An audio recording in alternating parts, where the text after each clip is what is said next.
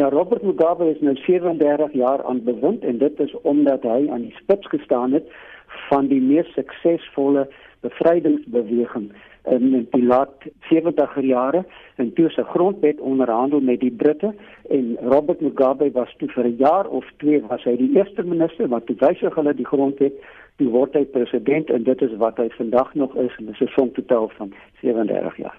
Nou, na onafhanklikheid van Brittanje is Robert Mugabe gesien as hierdie modelleier. Hoe het dit verander in die afgelope paar dekades? Wel die model leierskap is ek nou nie so 100% seker van nie maar hy het 'n interessante agtergrond.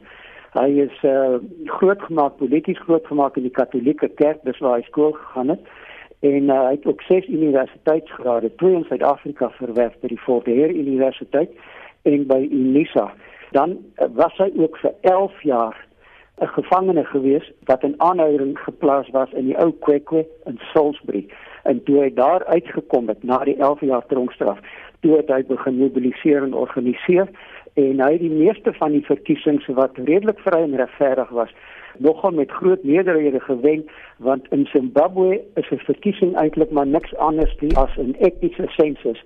Die uh, Mashona mense maak so 75% van die bevolking uit en dan die Matabele's is die res. In die verkiesingsuitslae vir 20 jaar lank was omtrent 70 75 vir ZANU-PF en net so 20 25 vir Robert Mugabe se Matabele's. Dis dit was 'n etiese ding geweest. Wanneer het die draaipunt gekom en veral te met die kritiek teen Robert Mugabe en veral omdat hy so lank aan bewind steeds is?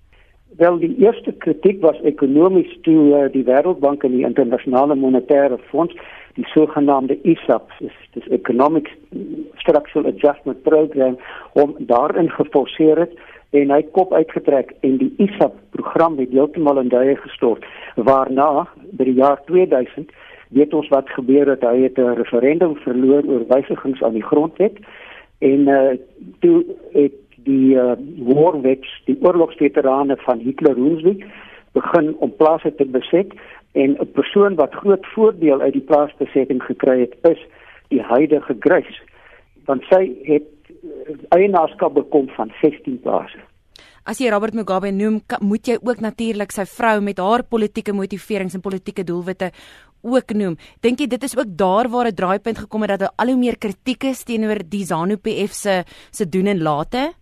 Ja, ek dink dit is 'n uh, as hierdie ding wat nou gebeur het gister eergister as dit 'n staatsgreep is en ons weet nog nie presies nie dan uh, is ons ook nie seker aan wie se kant daardie militêre offisiere is wat met hulle tanks in die stad ingevaar het. Dit is nou Harare nie. Ons ons weet dit nie presies nie maar almal weet dat Robert Mugabe sien sy vrou Grace as sy volgende opvolger.